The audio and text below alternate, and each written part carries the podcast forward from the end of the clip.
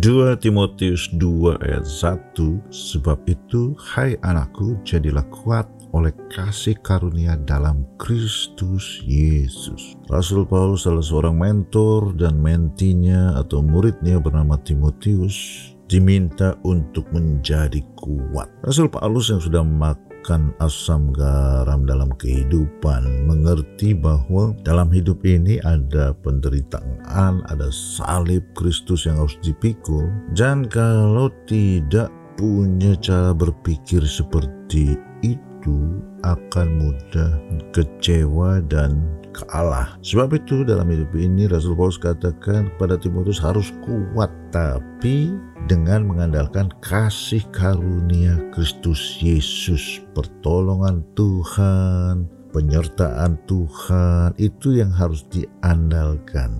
Dengan menguatkan diri, menguatkan hati, dan selalu berharap pada karunia Tuhan, maka tidak mungkin, tidak mungkin tidak bisa melalui segala tantangan hidup ini dengan berkemenangan.